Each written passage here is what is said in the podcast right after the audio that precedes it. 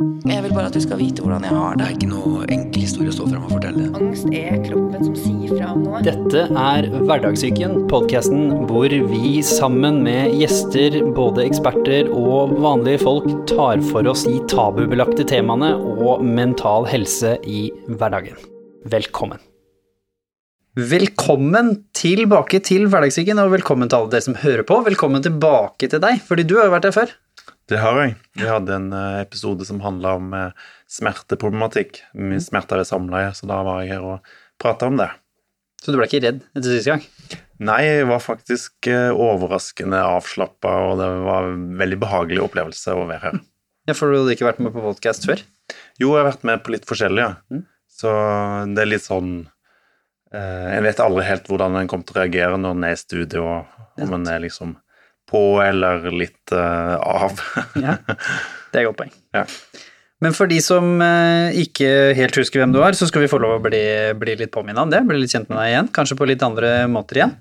Og i dag så skal vi jo snakke om seksualitet, Ja. sexologi generelt, men også da stillingen som sexolog, og hvordan disse tingene samspiller, og selvfølgelig da hvordan disse tingene påvirker oss i hverdagen, enten vi vil eller ikke, enten om man er aktiv eller ikke aktiv, og få litt bredere forståelse. Vi skal blant annet også da snakke litt om kropp og følelser og hvordan dette henger sammen. Dette er jo en episode da hvor vi bare har deg på besøk for å grave litt lenger ned i dybden. Forrige gang så var du jo her sammen med en person som hadde opplevd dette på egen kropp, mens i dag så skal vi grave i fagstoffet og se om vi lærer noe nytt. Ja, satser vi på det. Vi satser på det. Jeg har trua. Jeg tror du kan mer om dette enn oss, så da, da tror jeg vi lærer noe. Så bra. Så, da er det store spennende spørsmålet, da. Hvem er du for en kar? Ja, eh, mitt navn er Anders Abraham Røyneberg. Jeg eh, har bakgrunn som eh, psykiatrisk sykepleier. Og så mm, har jeg videreutdanning i sexologi og traumeterapi, blant annet. Så har jeg en egen praksis i Oslo. Jeg jobber i tilknytning med noe som heter Institutt for klinisk sexologi og terapi. Så der jobber jeg med par og enkeltpersoner i forhold til å bedre forhold til egen kropp, eh, seksualitet, men også psykiske helse, for det henger veldig tett sammen. Men det var ikke der livet starta. For meg så starta det ikke, ikke på Institutt for klinisk sexologi og terapi. Det stemmer. Ehm, jeg er egentlig fra Rogaland, men flytta til Østfold da jeg var to år. Så jeg har en veldig sånn blandingsdialekt. Så folk har veldig problemer med å plassere hvor jeg egentlig kommer fra. Men så er ja, blanding av østfolding og rogalending, og så har jeg bodd i Oslo over 20 år. Men du skulle først drive med noe annet, for det var jo en grunn til at vi starta litt med her med å redde planter og litt sånn, når episoden Ja. starta. Ja, jeg, eh, min far er jo bonde. bonde.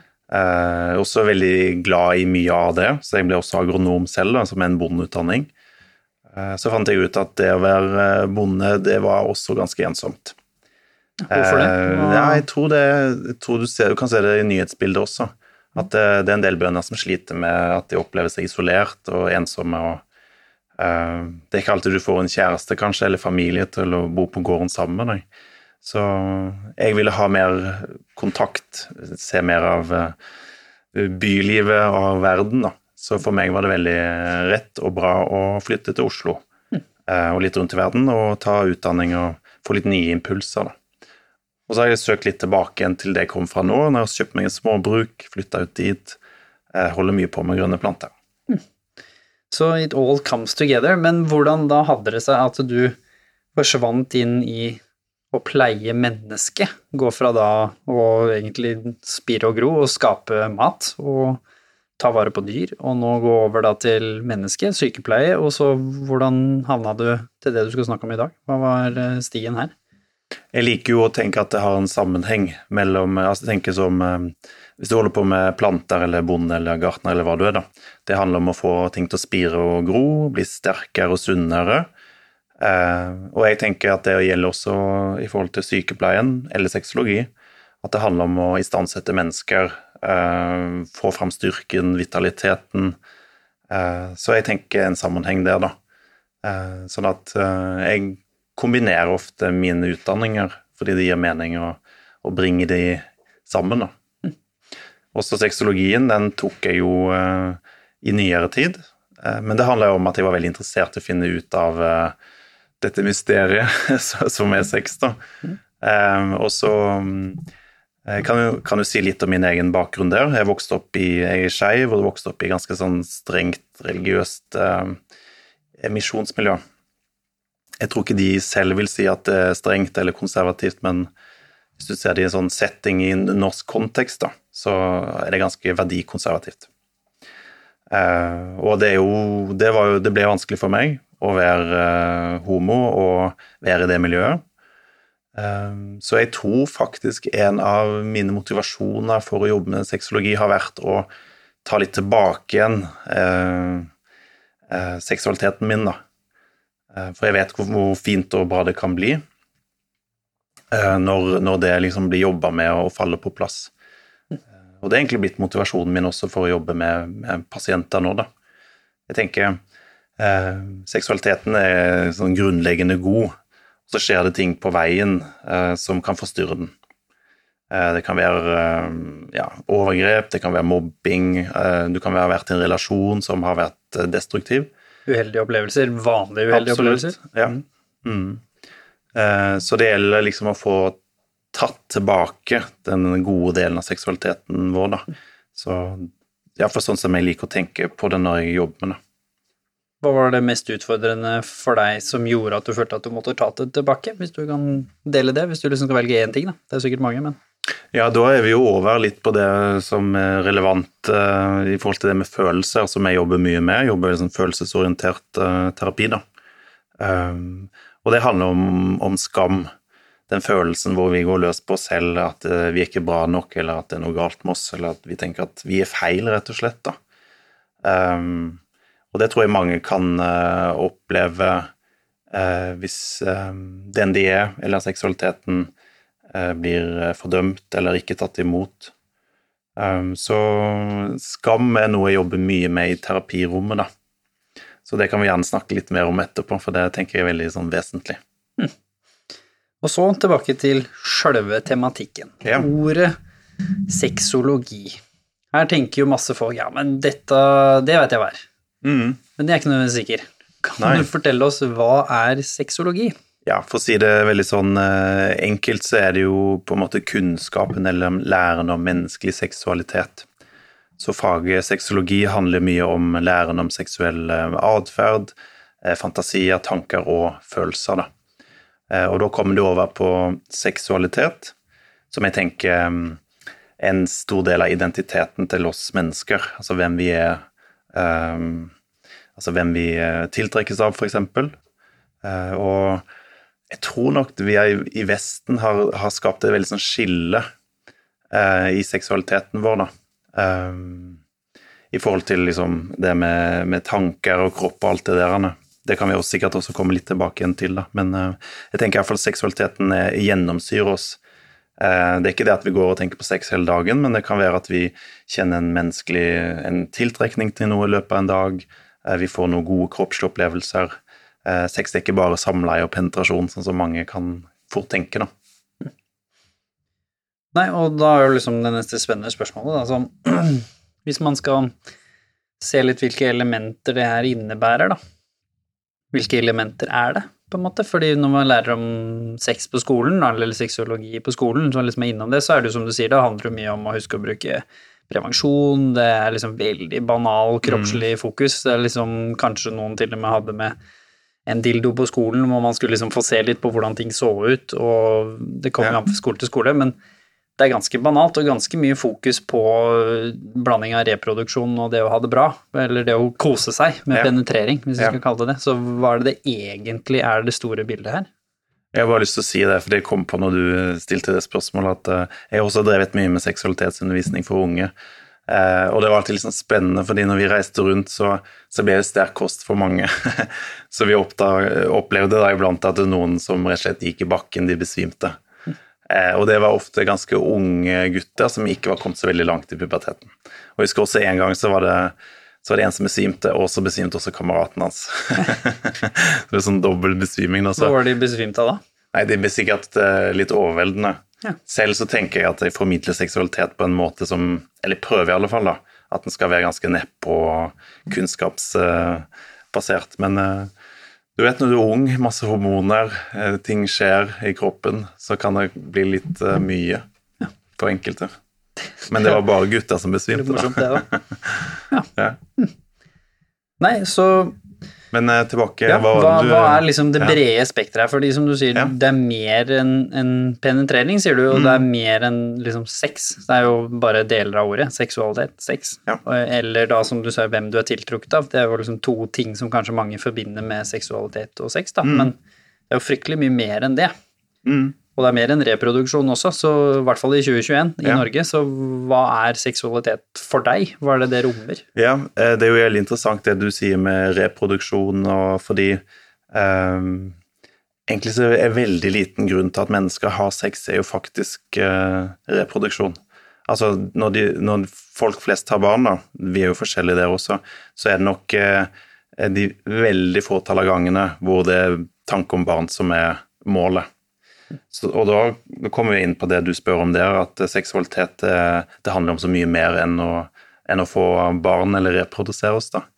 Um, og det handler jo om intimitet, og det handler om nærhet, og vi mennesker er jo flokkdyr. Så det er også noe ulikhet, da, for det er jo ikke alle som velger å ha en partner. Men um, det er noe sånn basic i oss som, um, som er Ja.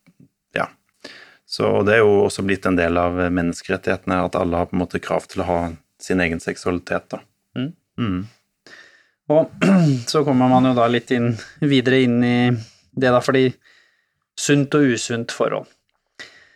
Jeg har jo veldig mange venner fra over hele verden. Jeg har bodd i Afghanistan, Syria, Ghana og liksom andre land, Singapore, steder hvor man har en helt annen kultur selvfølgelig enn i Norge, og har hatt muligheten til å sammenligne litt og reflektere ganske godt Mm. rundt det. I tillegg har jeg vært connecta til, litt sånn som du nevner, litt mer konservative kristne miljøer i Norge, som også har absolutt en del strengere verdivalg knytta til det. Skal ikke f.eks. ha sex før man gifter seg, da, veldig vanlig i de miljøene. Og så på en måte husker jeg det som dukka opp som i min verden forferdelig flåsete uttalelse av eh, eh, en person som ikke nødvendigvis er en rollemodell hos meg, som, som sa da at norske verdier, den der klassiske, var eh, svinekjøtt, eh, bikini og eh, jeg tror det var alkohol eller et eller annet hun sa. Og da var jo jeg litt sånn nummer én, eh, jeg er ikke nødvendigvis noe for at alle skal være halvnakne til 24-7, og drikker ikke alkohol, og har aldri gjort det, og spiser ikke svinkjøtt. på en måte. Ikke at det er noe galt i det for min del, men sånn, gjør ikke det sjøl. Så jeg følte at det var litt sånn beviset på at vi kanskje har gått for langt. Altså sånn, mm -hmm. Det har jo vært snakket om pornokultur også. Vi hadde et intervju med en person som slet med ereksjonsproblemer. Mm. Eh, en fantastisk fyr, Andrew, som delte om det, og hvordan han har hatt det hele livet, og hvor tøft det var. Og hvor det til slutt han fant ut at mye av det hang sammen med at hans bilde av hva sex var, var 100% knyttet til en form for pornokultur og en eh, reality-TV og ekstremkultur i den vestlige verden, og at han i det skapte tanker som gjorde at han fikk ereksjonsproblemer. Det var noe fysisk element der også, men han knyttet mye av dette Mm. til psykologiske elementer. Da. Og nå ser vi jo også en motstandskultur som kommer sånn hvor du får en sånn motreaksjon, hvor flere nå får behov for å ta avstand fra den eh, kulturen, da. Og jeg er jo litt sånn frihet til å velge, man må få lov å velge selv. Men jeg forstår også at det presset som er der nå, hvis du f.eks. følger med på Instagram eller Facebook eller TikToken eller til folk som er ja, 14-15, da, slutten av ungdomsskolen, begynnelsen av videregående, kom fra videregående og testa ting i stad. Mm. Det er ganske fascinerende hvor stort krav det er på at man skal vise veldig mye seksualitet i den formen som man snakker om her, og det er enormt press på at man skal ha sex. Det ble også tapt opp i Skam, ganske medium pluss poppis-serie, hvor det igjen handlet ekstremt mye om dette veldig skeive, forstyrra bildet av det, og hvor det har blitt veldig sånn overnormalisert, kanskje. Hvor det er litt sånn, ja, ja, altså Selvfølgelig skal du ha masse sex, på en måte. Det er jo viktig, og det er en del av hvem vi er, og det kan jo for så vidt eh, hende, det, og folk må velge selv, men det er den derre Hva er et sunt forhold til sex, på en måte, hvis man skal se på det objektivt, og ikke nødvendigvis begynne å rote oss ned i verdier, for Mm. det er jo en helt annen leir, som ikke Ja. nødvendigvis eh, havner i denne podkasten. Men hva er sunt og usunt i forhold til de du har måttet jobbet med? Ja, og det er et eh, godt eh, spørsmål. Og så tenker jeg i bånn her så er det jo at mennesker er forskjellige og ulike. Og vi har ulike behov, og vi har ulike grenser.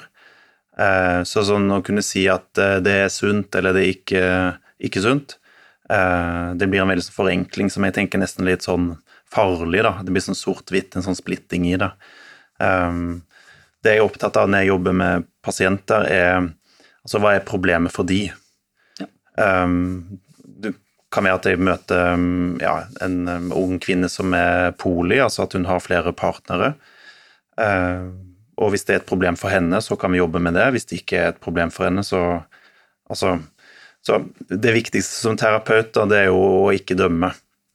Men heller være nysgjerrig, og hva er det som jeg kan hjelpe den andre med her. Eh, men i tillegg til dette så tenker jeg at eh, min rolle som sexolog er også å jobbe med det du er inne på der, med, med grenser, da. Uh, og noen kan jo nesten ha et syn på sexologer som noen sånn grenseløse som mm. snakker om sexleketøy og porno og masse partnere. Altså For meg så er ikke det sexologi, da. Sexologi handler mer om den sunne seksualiteten. Um, og i det bildet så er også det med grenser kjempeviktig, da. Så Men det er jo interessant, uh, fordi jeg tenker hver generasjon også har sine utfordringer i forhold til det seksuelle. Um, vi hadde jo American vi... Pie og bare Bea, på en måte, som ja. var jo en stor trendskifte ja. for min generasjon. Ja. Hvor det kom inn som en sånn storm. Mm. Før det var det liksom Da var det sånne ting som lå i skuffen til faren din, på en måte. Mens etter bare Bea og American Pie, mm. så fikk jo vi en det som er i begynnelsen på i dag, da. Altså så sosiale medier og resten av en historie, på en måte, hvor, hvor tilgangen til at sånn skal det være, er veldig stor. Og det er nok et stort problem for en del. Eh, og jeg har jo veldig mange eh, menn, det sikkert, finnes sikkert også kvinner og andre som har det samme problemet, men eh, som kommer inn med, med pornoavhengighet som symptom, da, eller det det som er problemet. Så Nei, så for denne generasjonen som kommer nå, så tror jeg det med porno eh, byr på en del utfordringer. Samtidig som porno er fint for mange, så tror jeg pornoen gjør noe med oss, da. Hvordan vi tenker om seksualitet. Mm. Så er det jo snakk om liksom hva Jeg husker så en dokumentar, jeg tror den er norsk, on top of my head, som handlet om pornoindustrien. Og mm. dette var et norsk firma som jobbet med at de skulle liksom ta sunne verdier inn i pornoindustrien. Selvfølgelig alle skuespillerne skulle ha valgt det selv. Det skulle være ekte. Man skulle ikke ha disse pausene, sånn at man liksom spilte inn i en scene med åtte takes. sånn at det liksom igjen får et usunt forhold til hvor lenge ting tar, og hvor, hvor, hvor, lenge det er for vanlige folk å holde ut, og hvor man mm. brukte ekte proporsjoner. Det er jo klart at kameraer kan jo få til mye rart, det vet ja. jo vi som filmer intervjuer. Mm. Og hvor de hadde tatt av et verdivalg på at det du ser her, på disse filmene våre, det er pluss-minus sånn som det ser ut hjemme hos noen, da. På en ja. måte, Hvor de brukte vanlige skuespillere, og noen var supertrente, og noen var litt mindre trente, og hvor, ja. hvor de hadde tatt et valg på det, for det er jo kanskje det jeg føler jeg opplever når jeg snakker med, med venner og kjente om det, at det er der problemet ligger. Ikke nødvendigvis altså at det fins filmatisering av sex som et, et, hjelpemiddel både for par og for de som er aleine, mm. men at det bildet de tar med hjem, er like ille som bildet av en person fra Instagram. Mm. Det er filtrert, pussa på ja. og uautentisk. Og det har jo blitt en svær uh, greie innenfor porno også, med homeporn, da, eller hjemmelagd porno, fordi den er mer realistisk. Så uh, det er kanskje en del av den uh, motbølgen som du nevnte i stad, da. Tror det. At folk vil ha det som er ekte og reelt, da, og mer nært, enn en sånn overprodusert fake med masse filmtriks. Og selvfølgelig ikke at det skal denne episoden her handle om, men også Nei. at forholdene til de skuespillerne handler om at de Definitivt. vet hva de driver med, og ja, ja. at de er der av fri vilje. Kjempeviktig. Mm. Men hvilke store utfordringer ser du da med dagens generasjon? Hvilket liksom spekter av utfordringer innenfor eh, altså seksuelle utfordringer er det mm. du møter på, hvis du liksom skal gi oss litt de du ser oftest, da kanskje? Ja. Først har jeg lyst til å si at um, jeg eh, tenker ikke at alt var bedre i gamle dager. På ingen måte. Nei, uh, sånn at uh, de, når jeg møtte norsk ungdom, eller har hatt seksualitetsundervisning som jeg hadde mye tidligere, da, så møtte jeg stort sett eh, norsk ungdom som hadde ganske gode, sunne grenser og eh, Altså, noe utprøving er det alltid. Eh, og det, det, er jo også greit å vite at for å på en måte finne seksualiteten din, så, så er det for mange litt sånn utprøving. Eh, og det kan være ganske drøyt for en som er voksen og holder et foredrag, hvis du får helt sånn grenseløse type spørsmål som handler om eh, ja, f.eks. dyresex. da. Men så ofte så handler det bare om at den unge prøver å finne ut hva er normalt og ikke. altså hvor, hvor, hva, er, hva, er, greia, på en måte. da. Typisk pushe grenser òg, da. Det er jo en del Veldig. av ungdomsmindset, på en måte. Ja. Ikke nødvendigvis at de mener alvor med det heller, men Nei. at man føler for å si det litt for å provosere og litt for å se hvor går grensa. Ja. Og så er det jo noen eh, grupper og miljøer hvor dette blir et mye større problem, da, hvor det blir veldig destruktiv atferd ut av det. Mm. Eh, men eh, det jeg ser mye av nå, er som sagt en del eh, mennesker som kom inn og så forteller at de sliter med pornoavhengighet, tap av lyst, ganske vanlige parrelasjoner. Og ja, smerteproblematikk. Mye og mye skam, da, mm. også. Hva er det folk skammer seg om i dag? Hva er det som er liksom det du ser oftest? Nei, det er jo hvis du er annerledes på et slags eh, vis, eh, en slags minoritet. Eh, det kan være at du er skeiv, det kan være at du har vært utsatt for noe, det kan være noe med at du har en annen hudfarge. Altså alle de tingene som gjør at vi på en måte skiller oss ut og får oss til å kjenne oss på utsiden eller annerledes. Da. Det kan også ramme seksualiteten. Så mange skammer seg over at de er annerledes. Eh, så skam er jo eh, Det er veldig fascinerende å snakke om skam, fordi det er egentlig ganske sånn svært. Som jeg nevnte i stad, er jo den følelsen hvor vi går løs på oss selv, det er noe galt med oss. Eh, men under skammen så er ofte ganske mange litt frustrerte eller irriterte, til og med sinte, fordi det er noen som har fått de til å skamme seg. Så i terapien så er det veldig fascinerende å se når vi på en måte Hvis du ikke går inn og kjenner masse inn, og du skammer deg og går løs på deg selv, hva kjenner du egentlig ut der i verden mot de som har fått deg til å skamme deg, eller gjort kjipe ting, da? Mm. For eksempel hvis noen har vært utsatt for et seksuelt overgrep, skammer seg masse for det, og så plutselig så tillater de seg å bli sint på den som har gjort det. Uh, og ja, den styrken og kraften som er i det, som jeg kaller selvhevdende sinne, da, som er den positive, sunne delen av sinnet vårt, hvor vi står for oss selv og uh, ja, den kraften som er i det. da. Så det er veldig vakkert å se, syns jeg, når uh, vi klarer liksom å snu skammen til å bli mer en kraft i livet. Du hadde kjent litt på skammen sjøl. Mm siden vi ikke har noe levd erfaring person her nå, hva, hva, var det verste med skammen for deg, før du klarte å finne en god måte å håndtere det på? Ja, um, jeg kan jo si først hva som jeg tenker liksom er si, ikke, ikke, bra med skam, for skam er aldri bra, men den har en funksjon, da. Det er at den, den har også en beskyttende funksjon, for når vi skammer oss, så, så tier vi. Uh, vi skjuler ofte det vi skammer oss for, det ligger jo i skammens natur. Um, det kan være en beskyttende faktor, fordi um, jeg tror jeg fant ut at jeg var homo da jeg var sånn 13-14, uh, og da begynte jeg å skamme meg. Og jeg sa ikke noen til noen ting. Og det er en veldig ensom opplevelse. Eh, men så fortalte de når jeg var 24, og det ble ikke spesielt godt tatt imot da heller. Og så har jeg tenkt i ettertid at ok, jeg har prøvd å bli litt venn med skammen, da. Og tenke at den faktisk hadde en, en funksjon. At når jeg var 24, så kunne jeg på en måte tåle det, og ikke bli eh, møtt eller godtatt, eller Men jeg hadde ikke tålt når jeg var 14. Mm. Så, og det er også viktig når du møter um, skeive, da. At det er ikke bare kommer ut av skapet for enhver pris. Det skal være på en måte trygt, og uh, ja, du skal ha noen som er der for å støtte deg, da. Mm. Hvordan var det å bære på det i ti år? Nei, det er jo heftig. Det er jo tøft. Um, så nå har jeg, det jeg prøver ofte å få til i terapien også, er å få folk til å ta liksom uh, Det du har opplevd, at det skal ikke ha vært forgjeves. Uh, at de tar på en måte eierskap til å bruke det til noe. Eh, som jeg opplever at jeg gjør i, i mitt virke, da. Og så må jeg alltid passe meg, fordi jeg er jo ikke den personen, den pasienten som jeg møter.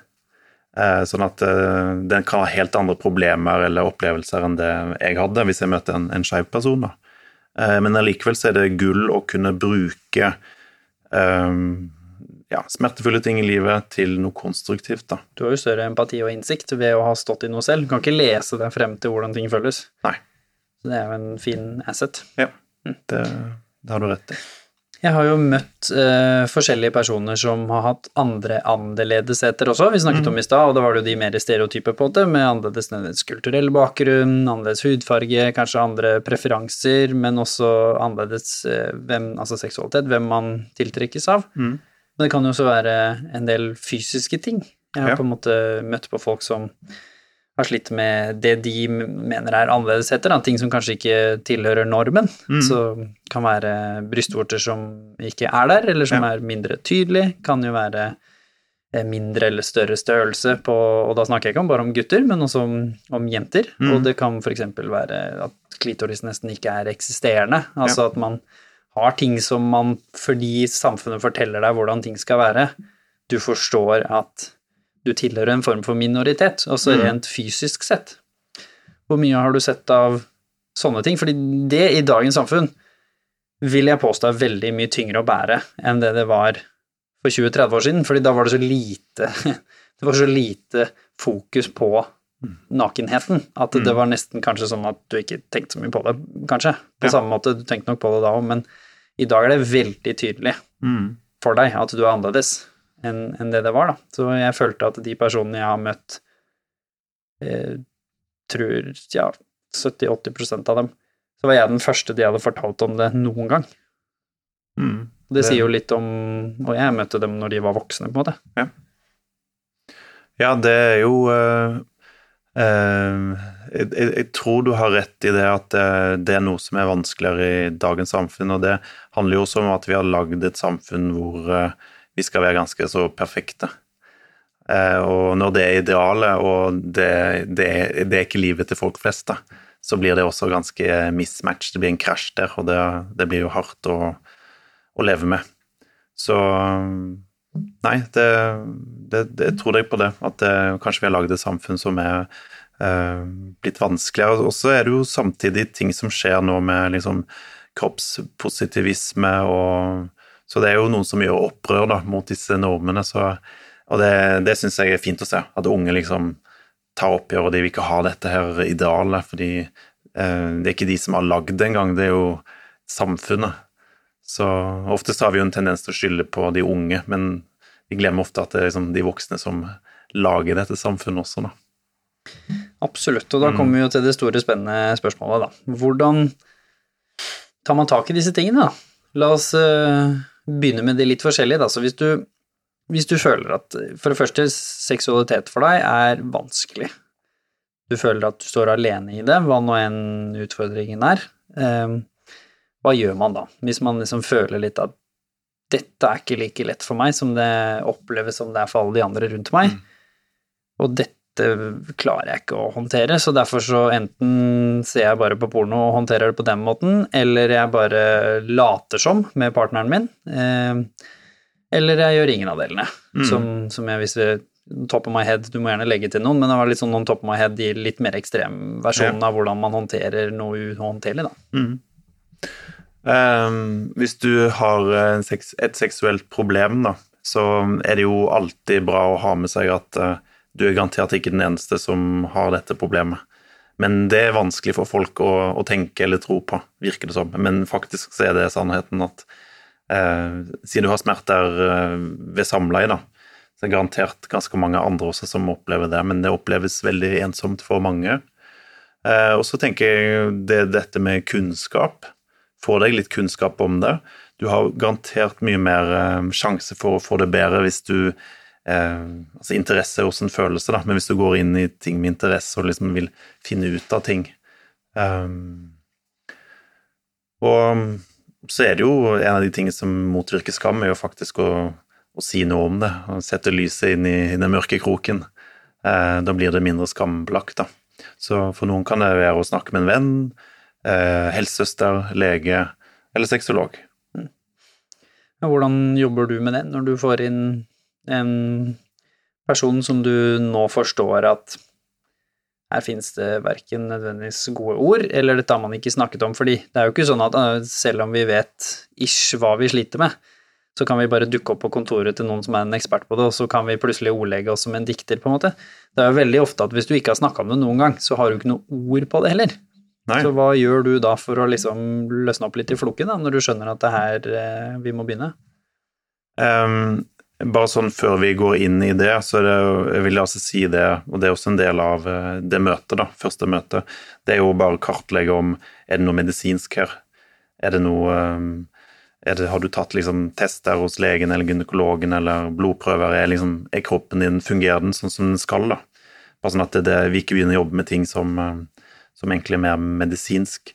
Um, og etter det så er det jo å begynne å nøste litt hva er egentlig problemet her, da. Uh, og som jeg sa, så er jo sexologien svær, altså det kan være masse ulike seksuelle problemstillinger. Så Og noen er f.eks. at uh, ja, du kan ha problemer med uh, ereksjonsproblemer, tidlig eller forsinka sedesløsning, smerter ved samleie. og så går du mer over i det mer psykologiske som er kanskje at du har noen skremmende seksuelle fantasier, noen kan slite med pornoavhengighet. Um, ja, og, og, i bunn og grunn så er det ofte Altså, dette er ofte bare symptomer på noe psykologisk underliggende. Mm. Uh, og hvis pasienten vil dykke litt ned i det for å finne svar og komme seg videre, så, så er jeg behjelpelig med det, eller mange andre sexologer også, da. La oss begynne litt med symptomene der, da. fordi ja. nå er det sikkert masse folk som sitter der ute og hørte du nevnte ting nå, liksom, Tjup, tjup, tjup, ting, og så kjente de seg litt igjen. Men så er det jo litt det der med å kjenne på ja, men hva er det som egentlig er normalt, da, på en måte, og hva er det som er eh, greit å komme og finne ut av. Så mm. hvis vi begynner med noen av de tingene du nevnte, da.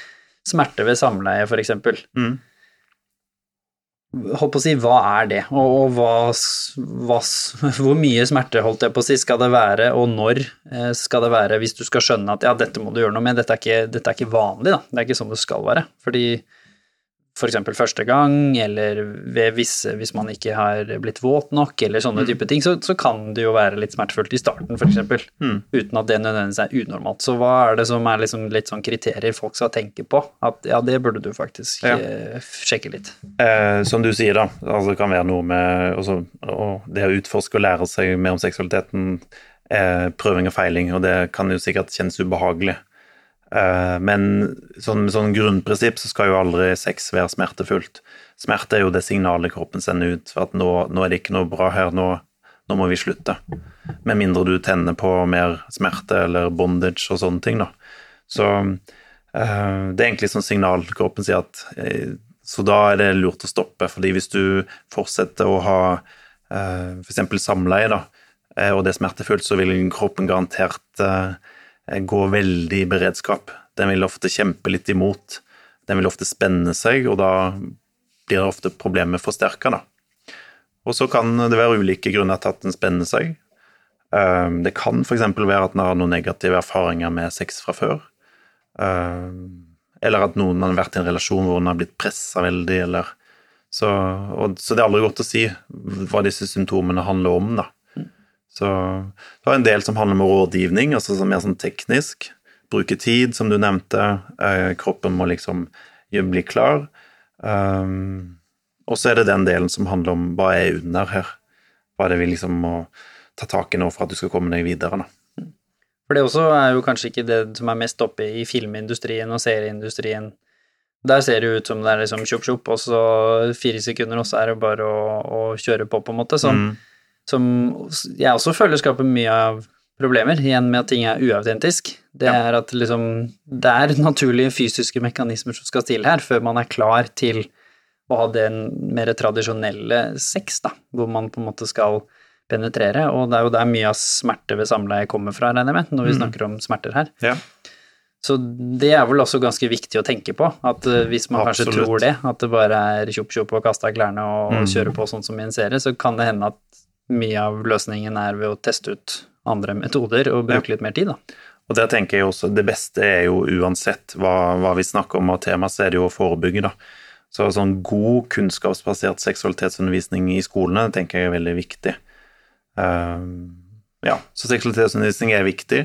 Samtidig så skal også sex være litt mysterium. Du skal liksom utforske ting og finne ut av ting. Du skal ikke fortelle alt til unge, men de skal ha sånn god verktøy da, for å kunne utforske. Um. Mm. Jeg husker liksom for en av de tingene for meg, du snakket også om eh, i stad, det er liksom lystproblematikk.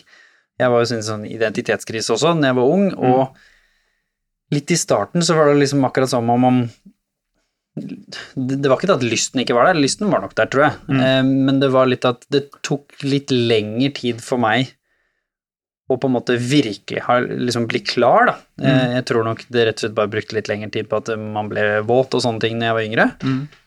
Som da, når jeg ikke hadde noen å snakke med om, og det var ikke akkurat det som det var noe informasjon om på den gangen heller, Nei. så var jo det veldig vanskelig. Og da kom jo den der utfordringen med liksom igjen hvor du sier det er skam, og det blir noe galt noe med deg. Sant? Mm. At eh, du Kanskje jeg egentlig liker gutter, selv om jeg føler at jeg liker jenter. Kanskje det er derfor jeg ikke blir våt, sant. Mm. Det var jo en av alternativene. Jeg ble jo mobbet for, for det. Mm. Andre alternativer kunne jo være at uh, Nei, kanskje det er noe galt med meg, kanskje jeg skal gå til legen og sjekke. Vi hadde hørt da, at det mm. fantes menn som ikke produserte på en måte den væsken som, mm. som, skal til. Ja. Og så begynte jeg liksom å fundere veldig mye på det, men når du ikke har noe sted å gå ikke sant? Vi hadde ikke sex og samfunn, for eksempel, eller sånne ting da når jeg vokste opp. Så lugger det litt. Eller hvis du da, som du snakket om, konservativt miljø Hvis du kommer fra et konservativt miljø, som det er jo mange av oss som gjør, både på kristensiden og i andre religioner, mm. så kan jo dette dette spørsmålet være fryktelig langt unna at du tør å spørre noen om det. Mm. Så hva, hva, gjør man litt da, i dagens verden? Fordi nå er det jo andre muligheter der ute enn det det var når jeg vokste opp. Mm. Eh, ja, det er jo eh, Altså, du har helsestasjon for unge, og så har du jo eh, f.eks. ung.no, altså, hvor du kan stille spørsmål online på nett. da. Så, så, kunnskapen den er nok mye mer tilgjengelig nå. Og du kan også møte andre mennesker på nettet som har lignende type utfordringer. og det, det er det som er vakkert med internett. da, tenker jeg at uh, Du kan sitte i dalstrøk og så uh, snakke med noen i New York som har det samme, samme problemet, og få den der opplevelsen at ok, jeg er ikke alene om det. Uh, men samtidig så er det jo Og det tenker jeg blir skille da, mellom som får kunnskap selv eller snakker med med, med noen venner eller helsesøster om det. Uh, at du får liksom en skikkelig sånn helsefaglig tilbud. Uh, og dessverre så er jo ikke seksuell helse nok prioritert, mener jeg, da, i, i Norge. Um, så ja, sexologien vil prøve på en måte å få den mer inn der, men uh, ja, fordi jeg tror liksom ikke vi, vi, vi, er nok opptatt av, av, seksualiteten vår, rett og slett. Den, eh, den er veldig viktig. Og... Den er jo litt skambelagt i samfunnet, selv ja. om vi altså Jeg føler det er sånn ambivalent. Den er litt skambelagt, mm.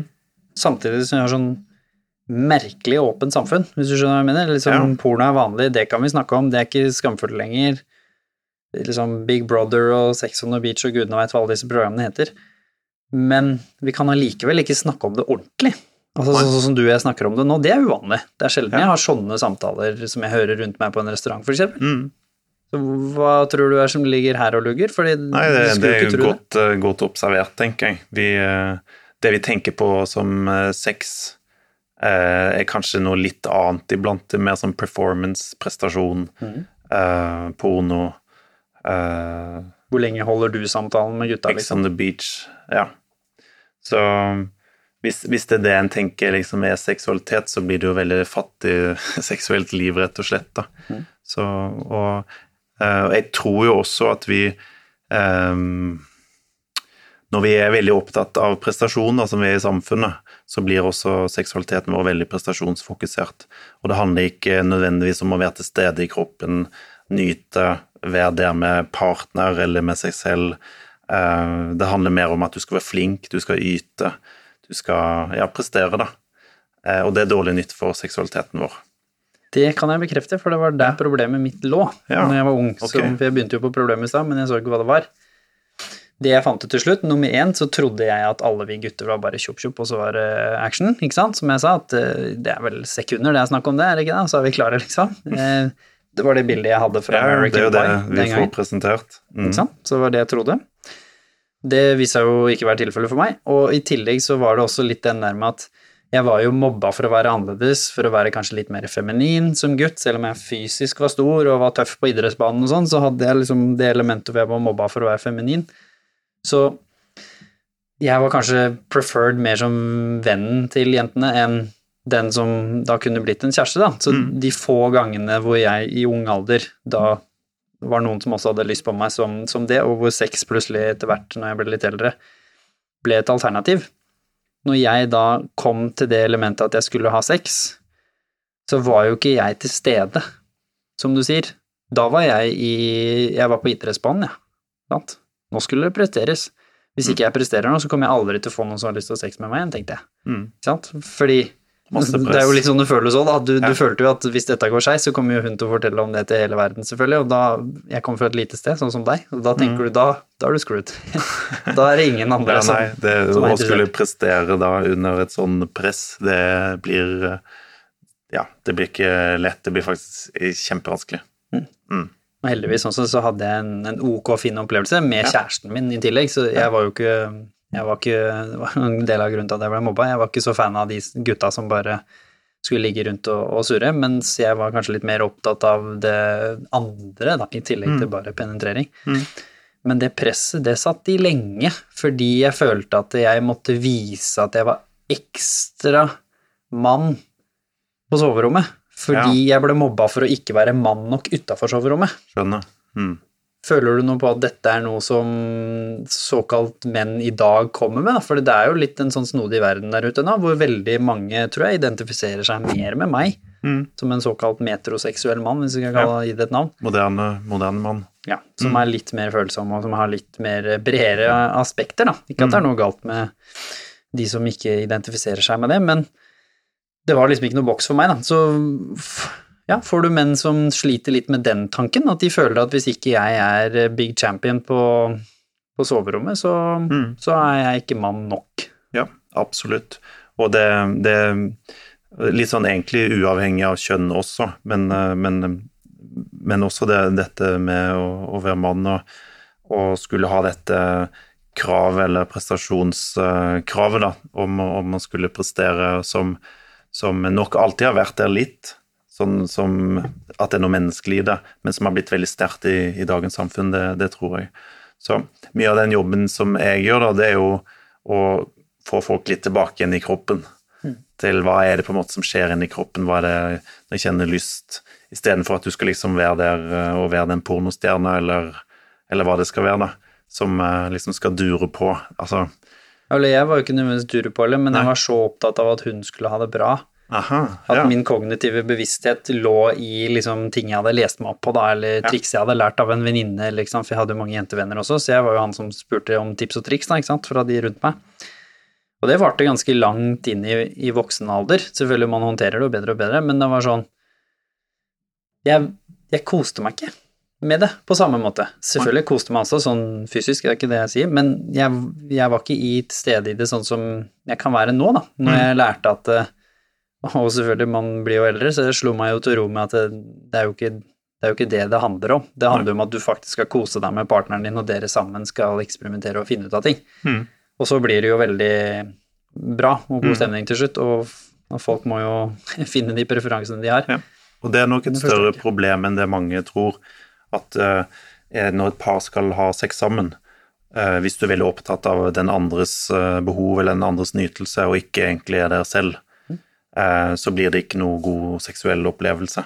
For da blir det også Ja, du har ikke den der Altså, eh, lysten, altså sex, det kommer liksom innenfra, da, som en sånn kraft. Eh, og hvis du har sex fordi den andre vil, så, så så, så du får ikke noe igjen for det, på en måte, da. Så, så du må på en måte ha en indre lyst hvis du skal ha sex, da. Og den, eh, og noen, men noen kan få liksom eh, Noen tenker at det er noe feil med meg hvis jeg skal kjenne på lyst, eller de kan få en skyldfølelse. Ofte, ofte jeg ser når lysten Hvis du tenker lyst som en følelse, da, som en sånn varm ting som går opp gjennom kroppen um, Du kan tenke som et anker. Når lysten går opp, så drar den ofte med seg liksom mange andre følelser. Det kan være skamfølelse, det kan være skyld, at det gjør noe galt ved å kjenne på lyst. Um, ja, og det er det som er så interessant med sexologien. Hva, hva er det som er, er under her, hvis, hvis det blir vanskelig?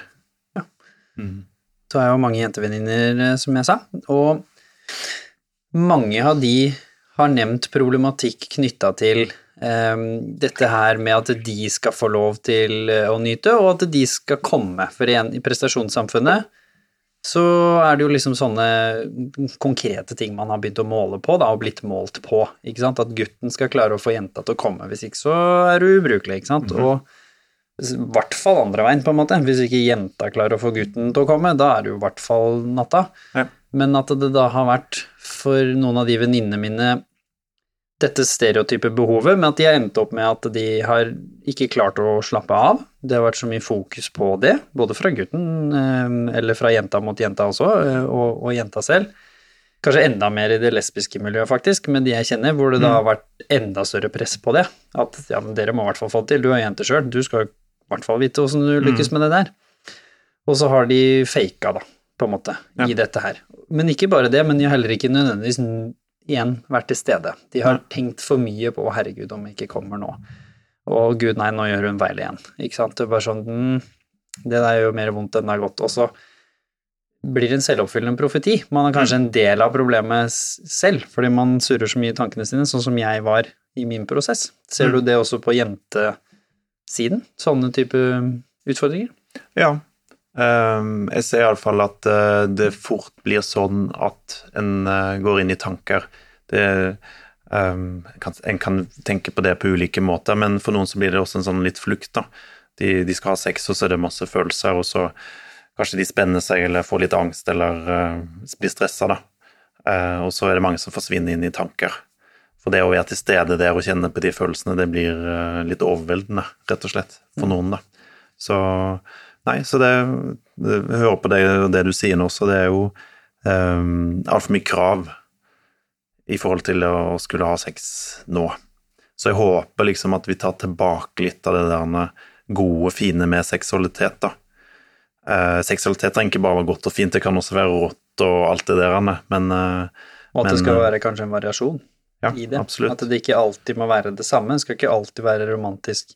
Ellers er det bondage, på en måte. At Mm. det skal kunne være noe imellom. Noen ganger kommer lysten og tar over, og man på en måte gjør ting som kanskje er litt uh, uvanlig. Da. At man Ja. dunker den ene litt inntil skapet, eller man tar av klærne litt raskere enn man er vant til, eller kortere vorspiel. Altså. Ja. Men så er du kanskje 80% den mer romantiske med litt lys og litt sånn at man ikke må identifisere seg svart eller hvitt også, fordi det føler jeg også litt i dag at det blir sånn, ja, hvem, hvem er du på soverommet? Mm. Det er sånn typisk dårlig partyspørsmål, ikke sant, når det, Det- begynner å bli litt seint. Ja, det er dårlig for oss også, det er jeg helt enig i. Ja, folk må jo liksom finne ut av dette sjøl, da. Så, og det kan være en prosess å ta tid. Og seksualiteten er jo også dynamisk, altså det vil si at den endrer seg gjennom livet. Og det er jo også det som er fantastisk med seksualiteten, syns jeg, da. At, at, ja, den, er, den er omskiftelig, og det, den er litt mystisk. Vi kan finne ut nye ting. Eh, og det er mye bedre tilnærming å være mer nysgjerrig på det enn at eh, vi tenker det er feil, eller Så ja, nei, det er mye å finne ut om, om seksualiteten sin hvis, hvis en er interessert i å finne ut av det. Lyst er skamfullt, fordi alle skal ha lyst, Ja. sant? Mm. Både gutter og jenter, om man er lesbisk eller homofil, eller Mm. hvem man nå identifiserer seg med. Ja. Det skal man jo ha. I Ja. hvert fall hvis du er i parforhold. Mm. Så hva ser du om det, og hvordan tar vi tak i det hvis du er i et forhold og genuint kanskje også elsker eh, den personen? Det er ikke der problemet ligger, men du har ikke lyst på den andre personen seksuelt akkurat der og da i en kortere eller lengre periode. Hvordan håndterer man det? Altså, eh, lyst er jo eh, Det å gå også i bølgedaler. Så noen perioder i livet så kjenner en mye lyst, andre mindre. Eh, Det jeg ser vanlig, da, hvis jeg skal bruke et konkret eksempel med, med par, det er at det er en ulikhet i lyst. Eh, og vi har en slags ideal eller sånn utopi om at, eh, at vi skal liksom ha, være på lik linje da, i forhold til seksuelle preferanser eller lyst eller hva det nå er. Altså Det er umulig prosjektet er dømt til å mislykkes fordi vi er ulike som, som par. da. Er det ikke litt urealistisk å tenke generelt at hvis du har to helt vidt forskjellige mennesker som har to forskjellige arbeidshverdager eller hverdager, og så kommer den ene hjem og har superlyst Ja ja, nå har jo selvfølgelig du lyst akkurat samtidig. Er ikke det litt urealistisk? Veldig. Men, eh, men eh, jeg lurer på om det er noen par som tenker litt det. At det er noe galt med de. Eh, For at de ikke er sånn. Så um, ja. Og så en, en, annen ting som jeg også ser med lyst og par, er jo at um, det skjer ting i relasjonen da, som forstyrrer lysten. Uh, I klassisk tekstologi så er det veldig vanlig å si uh, den ene har lyst, den andre ikke har lyst. Altså den ene, den som ikke har lyst, får på en måte skylden. Mm. Det er den som uh, Men, men det, det, er ikke så veldig hensiktsmessig å jobbe med det på den måten. Det er mye mer hensiktsmessig å se hva er det på en måte i relasjonen som gjør at den andre, den ene personen ikke har tilgang til lysten sin, da. Hva er det som forstyrrer, hva er det som har skjedd, og det er garantert ting som har skjedd, men det er ikke alltid det er bevisst for paret selv, da. Um, og når den ene gjør sånn, hva gjør det med deg? Jo, kanskje det er ikke så rart at du ikke får tilgang til lysten din. Um, ja. Så Og så blir nok lysten også mer viljestyrt uh, etter hvert. Altså i, i, starten så er det jo mye mer begjær og mye mer tilgang til, til lyst, da. Mm. Så det er også noe med å ta med det at det, det kreves jobb og innsats for å pleie et godt seksualliv. For det er en annen klassiker, ikke sant. Alt var mm. bedre i starten av eh, når du og jeg møttes, så mm. hadde du lyst på meg hele tida, og nå må jeg nesten kle av deg på tvang, ikke sant. Mm. Så hva er sannheten i det? Altså, er det?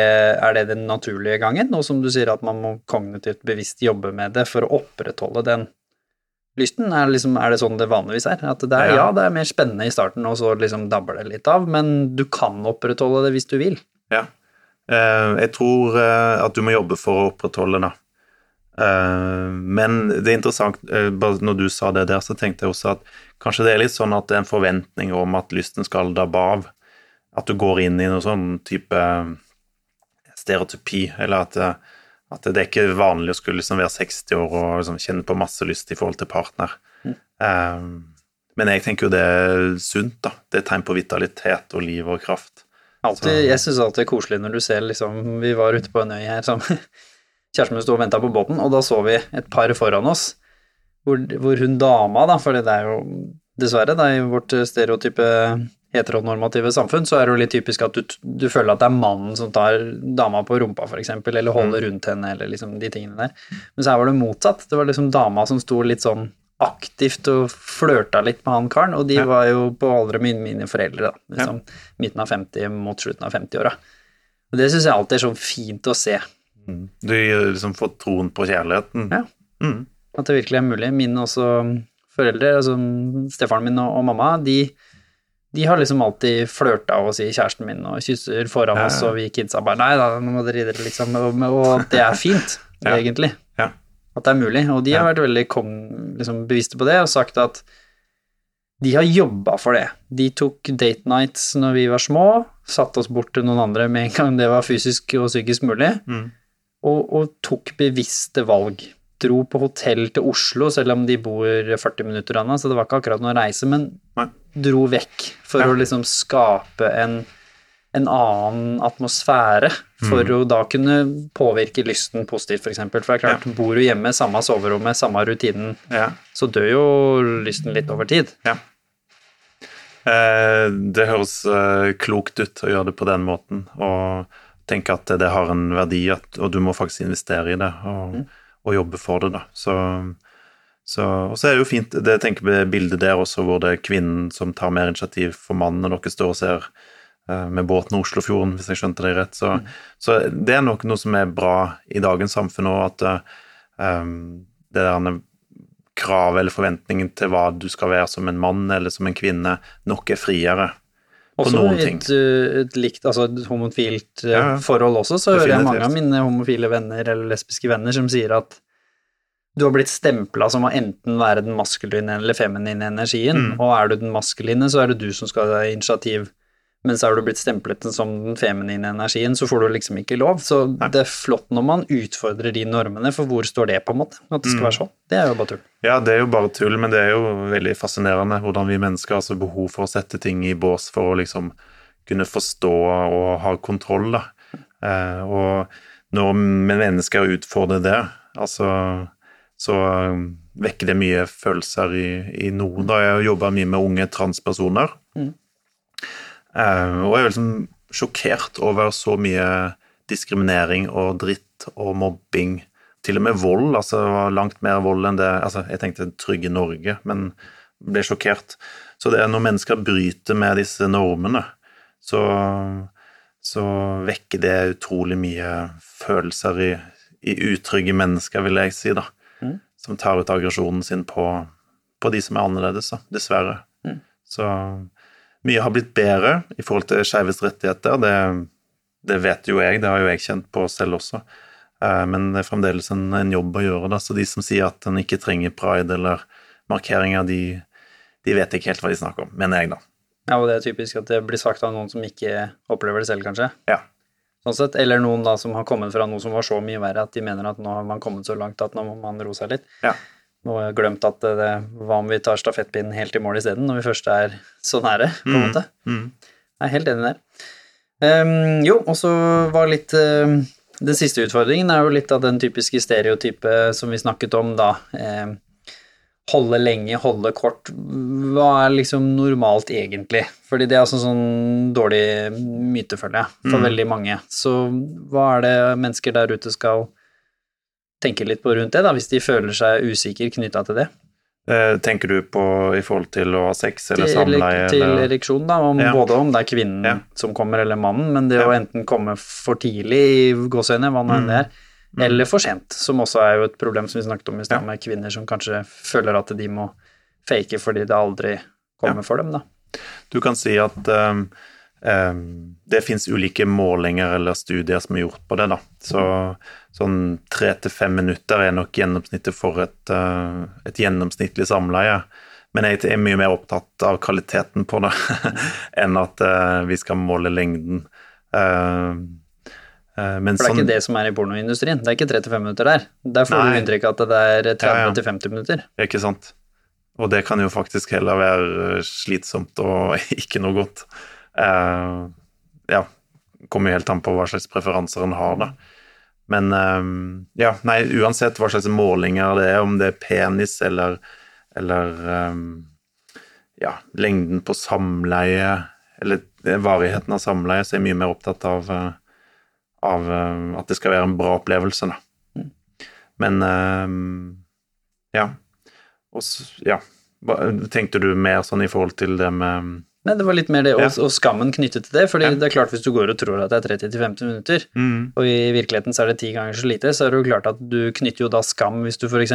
holder åtte minutter, da, Ja. eller seks eller sju, eller hva nå enn det skulle være, så føler du å nei, gud, det er altfor kort, ikke sant, nå går Mm. hun fra meg, da var det seilt. Eller jenta det samme, Ja. hvor jenter alltid, det har vært en myte om at jo, nei, de kommer jo lenge etter gutter, på en måte, mm, og plutselig så kan det være en jente som klarer å komme etter tre-fire minutter, og så blir det galt, fordi hun føler at jo, men jeg er jo unormal, så mm, Sånn kan det jo ikke være. Eller hvis man er to menn eller to kvinner i et forhold, Mm. hvor det blir jo da Jeg har hørt at det er lett altså Da blir det jo lettere å sammenligne, fordi det er jo klart at hvis du er to forskjellige som har to stereotyper, dessverre, da, som er annerledes, mens Ja. hvis man da tilhører det samme kjønnet, så, så er det jo kanskje mer naturlig å sammenligne seg, har jeg hørt, da. Som kanskje gjør et Ja. enda større problem, for da blir det sånn ja, du holder jo tre Mm. ganger så lenge som meg. ja. Jeg tror, eh, jeg tror du hadde fått eh, varierende svar på det fra Jeg tenker det kan være eh, fordeler å være sammen med en med samme kjønn, og, og sikkert noen ulemper knytta til det også, men jeg tror også de er ganske individuelle, da. Eller mer egentlig personavhengige. Um, ja, uten at jeg kan så veldig mye mer om det. Mm.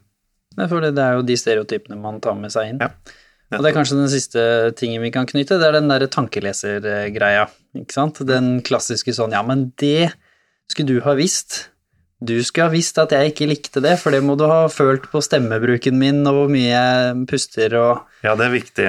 Det, det er ofte en, en eh, felle å gå i. Mhm. Så når jeg jobber med par, så ser jeg ofte at det er en forventning at uh, du tenker at partneren burde ha skjønt det, hva er behovet mitt, Eh, mens faktisk så er det en ganske passiv holdning. Det kommer du ikke så langt med. Eh, du kommer mye lenger med å si at eh, jeg ønsker sånn og sånn, eller dette er liksom mitt behov, da, eh, enn å forvente at den andre skal lese tankene dine, for det er et umulig prosjekt, og det blir det garantert konflikter av. Så hvordan løser man det, da? Er det litt sånn, Sier du det underveis? Skal man snakke om det etterpå? Altså liksom, hvilke løsninger Jeg skjønner jo at det er mange svarte Roma her, Mm. men hva er det du har sett som har funka, da. I de parene som du kanskje har vært med å løse opp en sånn typisk floke hvor den Ja. ene mener at du burde ha skjønt alt, og den Ja. underkommuniserer. Kanskje iblant så burde den ha skjønt noen ting, men, men mennesker er jo forskjellige, så noen skjønner intuitivt ting ganske kjapt, andre ikke. Um, men partner kan ikke liksom lese behovet ditt eller tankene dine, så det er du faktisk nødt til å Og det handler litt om å eie seksualiteten sin, hvis vi snakker om sex, da. Um, du må liksom ta ansvar for den, du må be om ting, uh, du må fortelle, um, og ikke bare liksom legge deg passivt tilbake og forvente at partner skal uh, do you, eller fix it, fordi det blir heller ikke så god sex. Og spesielt i starten, kanskje, hvor man da skal bli kjent, så Ja. er det jo kanskje viktig å være enda flinkere til å dele litt innsikt og ha samtalene. Jeg har jo følt litt i eget liv at de gangene hvor jeg har vært i, i relasjoner hvor man har hatt en god dialog om seksualitet og sex og intimitet også, ikke bare liksom penetreringen og selve den delen, men hele spekteret. Turt å snakke om liker du å kose, Liker du å kile på armen? Liker du å bli kilt bak øret? Liker du å bli kyssa i nakken? Altså, det, er jo så, altså, det er jo så mye her som, som mennesker kan like og ikke like, knytta til intimitet. Så det å liksom ha den samtalen underveis, da hvis du har hatt en ekstra god opplevelse, og forsterke den, da. Hvor liksom, åh, når du kyssa meg på nakken i stad, det var helt magisk, eksempel. Eller bare, nei, når du gjorde det der under sexen, eller den stillingen, oi, det, det hadde jeg ikke prøvd før, det var veldig godt. At man forsterker positive opplevelser, og ikke kanskje nødvendigvis også snakker så mye om de negative opplevelsene, for da forsvinner de også litt vekk fra hverandre, så sant det ikke er noe sånn konkret, da. Har jeg liksom personlig hatt god erfaring med. Ja. At eh, det har vært også mye uh, muntlig dialog, holdt jeg på å si, med ord, Ja. i tillegg til at man selvfølgelig må jo lese Ja. hverandre litt, da. Og bare si mer av det du eh, liker eller ønsker, da. Altså mer av det. Og, uh, fordi fort så blir det en sånn kritikk. Du gjør ikke sånn og sånn. Uh, du gjør ikke det jeg liker seksuelt der. Men si heller hva du vil at jeg skal gjøre mer av, da. Som, som, som fungerer. Eh, eller så Ja. Det blir en mye bedre tilnærming til det. Og så tenker jeg jo at jeg er helt enig med deg. God kommunikasjon er alltid sunt og alltid bra. Og så for noen så blir det òg at de kan nesten snakke i hjel litt sexen. Så eh, snakk om det, men, eh, men eh, sex skal også liksom gjøres, og du skal være i følelsen og i kroppen. Og være litt Så- i nuet og litt mystisk fortsatt. Ja. Så jeg har også hatt noen par hvor de liksom har snakka i hjel litt av mystikken. Fordi du skal på en måte være nysgjerrig på den andre. Eh, og når det forsvinner, så, så blir det vanskelig å få lyst. Og det, det har jeg jo spesielt sett under covid, at jeg har hatt en del par som, eh, som har vært altfor mye sammen. Det har blitt for tett. Eh, og det er ikke så godt nytt for lysten. For, for å kunne kjenne lyst, så må vi faktisk liksom være nysgjerrig på den andre fremdeles. Savne de litt. Ja, savne de litt. Så du trenger på en måte en ulikhet, da. Så jeg tuller litt det når jeg ser par som går tur sammen, som har lik allværsjakke eller lik sveis, like briller, kanskje med til og med lik eh, en hund som ligner på det, så, så tenker jeg at uh, det er ikke nødvendigvis så god grobunn for en, en lyst, da. Så vi trenger på en måte å være nysgjerrige på å utforske den andre. Og da trenger vi iblant litt distanse. Men for noen par så handler det om å komme sammen, for andre handler det om å få litt space. Og hvis man skal skape litt utvikling og teste og prøve litt nye ting, så Ja. kan det jo også være fint at man ikke nødvendigvis har 100 de samme preferansene, for det føler jeg også litt sånn samfunnet i dag har vært, også i form av å finne riktig partner, så er det litt sånn sånn Jeg har sjekklista mi på hvem jeg er, tikker du av de samme boksene, så er vi drømmeparet. Men jeg opplever litt det motsatte, ja, grunnverdier og litt sånn, Ja. men også inne på mm, Altså i sexologiverden, holdt jeg på å si. At hvis du er litt sånn som egentlig likte noe før, og den andre ikke likte det, og så kan man si ja, men vi kan prøve sammen. Mm. Og så kan det hende at den personen bare, oi, med deg likte jeg det. Mm. Fordi igjen, du kan ha hatt en uheldig opplevelse med en stilling eller en type del av intimiteten. Som du sa, du kan ha opplevd overgrep på ting som for fem år siden var for nært, så du Mm. kunne ikke gjøre det.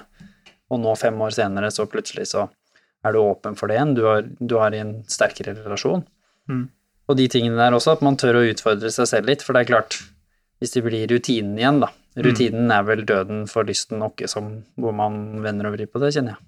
Ja, rutine, og det, det linker det også litt til kontroll, da. Um, Og sex handler jo mye om å kunne være fri og slippe kontroll. Eh, Det sitter langt inne hos folk. ja, det gjør det. Så jeg jeg er enig med deg at, eh, at sex er også prøving og feiling, og jeg tenker hvis en har gjort noe seksuelt som ikke var noe godt med partner, da, så lenge det har vært trygt og ikke noe pushy og sånne ting, så, så er ikke det nødvendigvis så farlig. Altså For å kunne vite hva en god seksualitet er, så bør du også kanskje ha, ha kjent litt på hva jeg fungerer ikke for meg, da. Så vi skal også være litt vaktsomme med å lage sånn krenkesamfunn.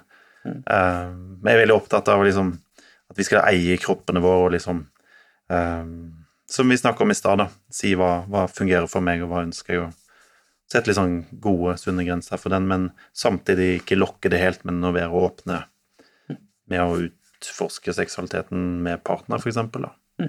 Mm. Og hva på en måte, sist men ikke minst, hvis du nå skulle snakket litt til folk der ute, da, som har kjent på et eller annet i denne episoden her, en av de tingene vi har snakket om, har de kjent ops, det kan nok være meg, og så har de kanskje aldri egentlig hørt om sexolog, mm. egentlig, de har hørt om det, men det har vært noen sånn fjerne greier som andre folk bruker, litt sånn samme mysteriet som vi har rundt psykolog noen ganger. Ja. Hva er det du vil si til de, både om hvordan de kanskje kan være litt nysgjerrig på egen hånd, men også hvordan de kan approache en person som deg, da. Mm. Først så har jeg lyst til å si at um, iblant når jeg sitter og snakker om det, så kan det høres veldig enkelt ut. Og så vet jeg at dette er vanskelig i praksis. Og så vet jeg også at uh, seksualitet er noe som angår alle. Og når en sitter og hører på podkaster sånn som denne, eller eh, foredrag, så kan det sette i gang en hel del prosesser i folk. Så det er også viktig å vite at uh, dette er noe menneskelig. Det er noe veldig mange mennesker kjenner kan bli vanskelig i løpet av livet. Uh, og iblant så er det fint å kunne få kunnskap. Det hjelper. Noen ganger er det fint å snakke med en venn. Snakke med helsesøster, som jeg nevnte i stad, eller lege. Eller gå til en, en, en sexolog hvis det er noe du tenker du trenger en hjelp for å finne ut av. De fleste trenger ikke en sexolog, men, eh, men eh, det kan være til god hjelp hvis du vil komme videre med en litt fastlåst seksualitet, hvis man kan, kan kalle det det. Mm. Og kanskje de som har opplevd traumatiske opplevelser eller uheldige opplevelser, så kan det også være nyttig, for der har man jo kanskje tradisjonelt sett på traumebehandlingen og de tingene, men Ja. så hvis du egentlig ikke sliter med den delen, altså Mm. den delen klarer du deg fint med, men det er låst når nye relasjoner kommer inn, og du skal igjen entre det skumle, mørke rommet med seksualitet, hvor overgrepet eller traumer skjedde. Mm. Ja, jeg, og der er det fint å sjekke litt hva slags uh, verktøy har den personen du går til, da. Jeg driver jo med en terapiform, en traumeform, traumeterapiform som heter EMDR, som, eh, som er veldig effektiv hvis du har eh, PTSD eller sånn type traumer kobla til seksualitet. Så, eh, og det beste tipset sånn, eh, i- Norge så har det kommet noe som heter finnensexolog.no, og der jobber det mm, da autoriserte sexologer. Dessverre så er ikke sexologen beskytta tittel, men, men du har på en måte et um, et kvalifikasjonssystem da, som Norsk forening for klinisk sexologi har laga, og de, de fins på finnensexolog.no. Tusen hjertelig. Takk for at du kom i dag og lærte oss litt mer om sex og sexologi, og ikke minst seksualitet generelt, og kropp og litt følelser. Fint. Veldig fint å være her. Takk for meg. Tusen hjertelig takk til dere som hører på. Fortsett å sende inn tips og triks og hva vi skal snakke om. Dette kommer også fra dere. Det er dette dere ville vi skulle snakke om, så det setter vi pris på. Og husk å del episoden, fordi du vet aldri hvem rundt deg som kanskje trenger å høre akkurat dette her i dag. Og ikke minst, er du litt ekstra interessert i planter, så skal vi følge deg hvor? Eh, Arctic Gardener på Instagram. Og så kommer det bok snart. Det er den heter Plantebonanza, og den kommer i august. Så det er bare å glede seg, for dere som også da elsker planter. Mm. Ha en nydelig dag videre, folkens.